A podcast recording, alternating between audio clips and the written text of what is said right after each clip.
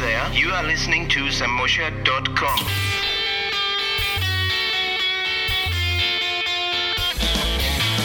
The first German podcast in Polish language.